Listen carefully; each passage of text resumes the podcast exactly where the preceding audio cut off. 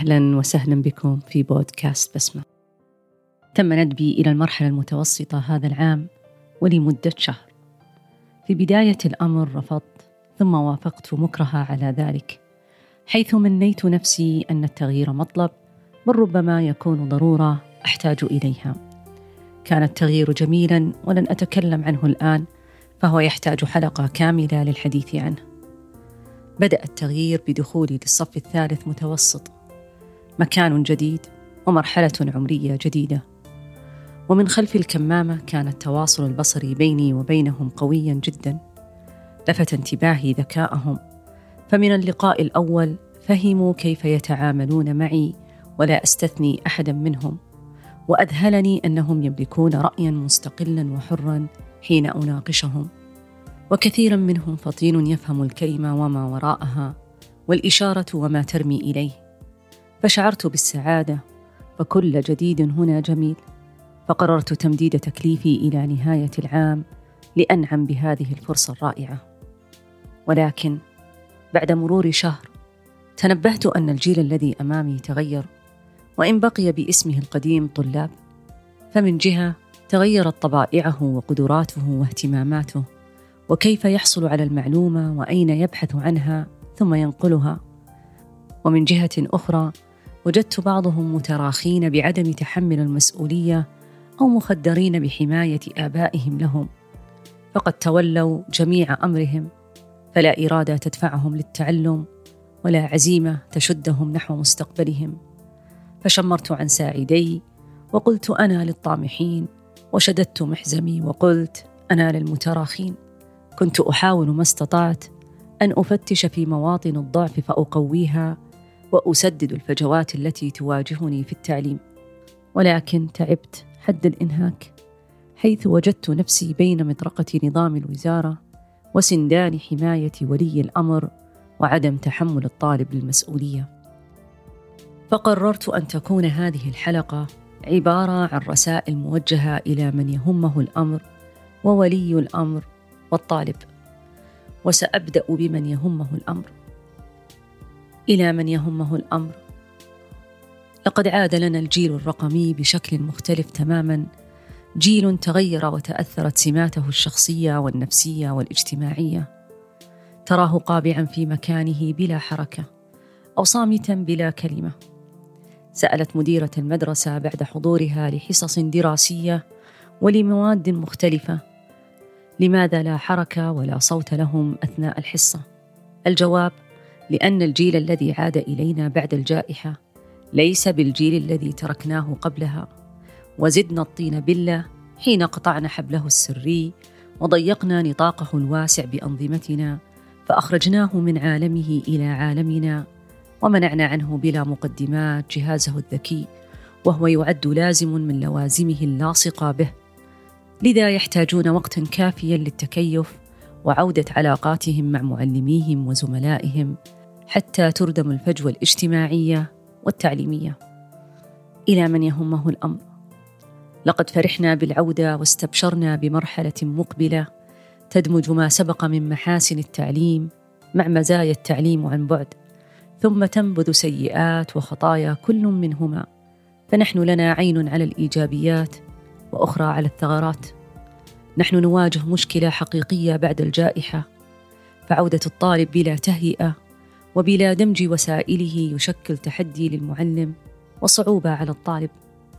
نريد الكتاب والقلم ليتعلم ويستنير عقله ونريد أن نكسبه جميع ما فقده من مهارات تعينه على التفوق. ولكن دون أن نقطع صلته مع التقنية التي تعد من أعوانه على التعلم ووسائله إليه.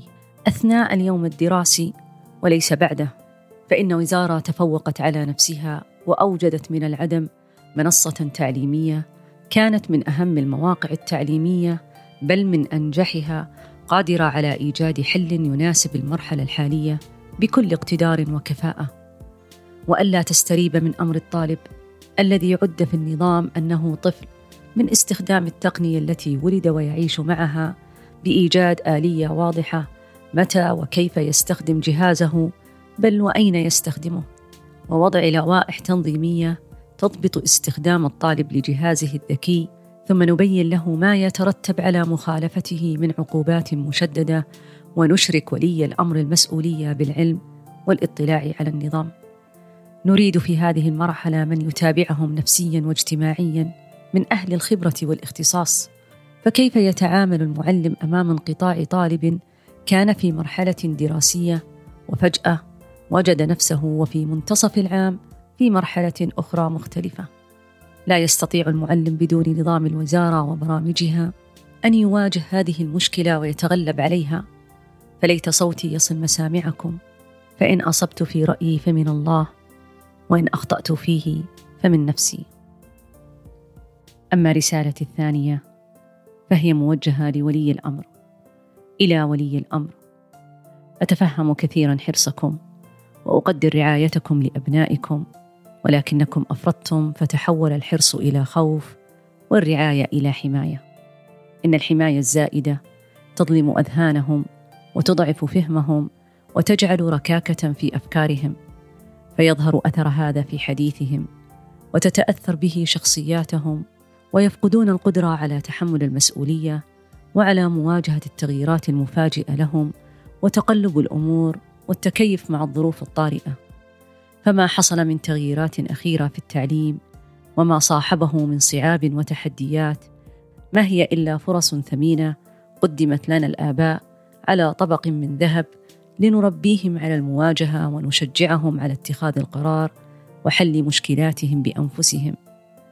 يجب أن نغير مكاننا فلا نكن أمامهم فنسابقهم ولا بجانبهم فنزاحمهم. بل من خلفهم ناصحون ومرشدون لهم. أيها الآباء لا تفوتكم فرصة عظيمة في توريث أبنائكم خلق العظمه والقوة. لا تجعلوهم بخوفكم عليهم. يقاسون من الحياة ويتعبون من الراحة ويملون من النعيم. إنهم قادرون على خوض الحياة وقرع بابها حتى تفتح لهم. فليس خلف الأبواب ذئاب تتربص بهم بل آمال وأرزاق لهم. وأذكركم أن الحياة ليست شرفة يجلس بها أبناؤنا ليطلوا منها على ميدانها. إن الشرفات لنا نحن الآباء. نعد متكئا فيها لنراقبهم ونوجههم وهم يخوضون غمارها. ستعلمهم الحياة أن الاختلاف جمال والخلاف خلق من ضاقت أنفسهم عليهم وأن الحوار رقي والسباب والشتم سقوط ستعلمهم أن لا تراق قطرة من دم الفضيلة عند الخصام فلا فجور ولا ظلم ولا اعتداء. إن الحياة هي المدرسة الحقيقية التي يطبق فيها أبناؤنا. ما تعلموه منا. فلا بد أن يعدوا العده ليجربوا ويختبروا ويفكروا ثم يقدروا الأمور. فإن الأمور لا تستقيم لهم إلا حين يخطئون ثم يصيبون. واهمسوا لهم أن من لا يتعثر لا ينهض. ستعلمهم أخطاءهم وترفعهم عثراتهم. فإن نشأوا أبناؤنا على الهمة العالية سهل عليهم الجد والبذل في نيل ما يتمنون. علموهم أن الاعتدال طريق الهناء وأن الإفراط في نيل كل شيء شقاء. فنحن نريد جيلا طماحا متطلعا مؤمنا بالله. لا يقنعه إلا الخبز الذي يصنعه بيده. فينشأ عفيف لا يستسيغ حياة الذل ولا يستعذب طعم الشفقة. إلى ولي الأمر. هذه الحياة لهم فلا تقلقوا. ستهديهم فطرتهم إلى الصواب وتخبرهم عقولهم أن الحياة واسعة فهي لهم وأن السماء عالية. إليها تعرج آمالهم وصالح أعمالهم ثم تعانق هناك أرزاقهم وما يوعدون. رسالتي الأخيرة إلى من عقدنا في نواصيهم آمالنا إلى أبناؤنا الطلاب. سأبدأ رسالتي بموقف ربما يختصر علي كثيرا مما أريد أن أقوله لكم. طلبت من الطالبات تفعيل الدفتر الإلكتروني لأستطيع متابعة الأعمال فأنجز المهمه فقط الذين يتحملون المسؤولية ويتولون أمورهم بأنفسهم. أما الباقي وهم أغلبية تدارك الأمر قبل انتهاء الفصل الدراسي بأيام والبعض استفاق بعد فوات الأوان. فوجدتهم ما بين حاذق فطن تجاوز بصره حد السماء وبين بسيط متراخيا حتى في أن يحلم حلما يحركه خطوة واحدة نحو مستقبله فلا يتجاوز بصره ما وراء جدار فصله. وكل من الفريقين يظن أن عالمه ينتهي حيث ينتهي به مد بصره إما سماء بعيدة وعالية أو جدار قصير وقريب. وفي كل خير كامن وطيب واضح. كانوا سواء في كل شيء ومتشابهين في أغلب الأمور فمن الذي صنع هذا الفارق بينهم؟ إنها المسؤولية ولا شيء سواها. حددت أهدافهم وشكلت شخصياتهم فتراهم يتمتعون بالإحترام والتقدير من الجميع ولديهم وعي كامل لتصرفاتهم ونتائجها. هم الذين إذا سألتهم عن حاضرهم تحدثوا. وإن سألتهم عن مستقبلهم استبشروا قادرين على حل المشكلات والسيطرة على الأمور المفاجئة واتخاذ القرارات التي تخصهم دون تدخل من أحد فهم مصدرا للاعتمادية والقوة. تركوا المتواكلين وصانعين الأعذار وراءهم وشمروا عن سواعد الجد فجدوا واجتهدوا وتعلموا فأدركوا أن ما يحصل لهم في حياتهم لا علاقة للحظ فيه. بل هو نتيجة قراراتهم لذا هم أكثر الناس تقبلا للعثرات وأسعدهم بالأخطاء فكانوا أهلا للنجاح. أبناؤنا لقد تعبت أكتاف الآباء من اتكائكم عليها وتعبت عواتق المعلمين وهم يحملون ويحملون مسؤولية المخفقين منكم. إن بين أيديكم وسائل التعلم المختلفة فايا منها اختاروا وتعلموا. ولقد وفرت الوزارة المنصات التعليمية الآمنة لكم وسخرت جميع الإمكانيات لتوفير المعلومة. كما أن أجهزتكم التي بين أيديكم تأخذكم إلى تطبيقات مجانية لتشرح ما صعب فهمه عليكم وتحصلون على شروحات وحلول لكل مادة بكل سهولة وفي أي وقت. فلا أعذار مقبولة للتقصير ولا مبررات مسموحة للإخفاق. وتذكروا أن تحمل المسؤولية أمر ضروري بل طبيعي ولا يجبر أحد على فعل شيء إلا بطل التكليف وانتفت عنده المسؤولية.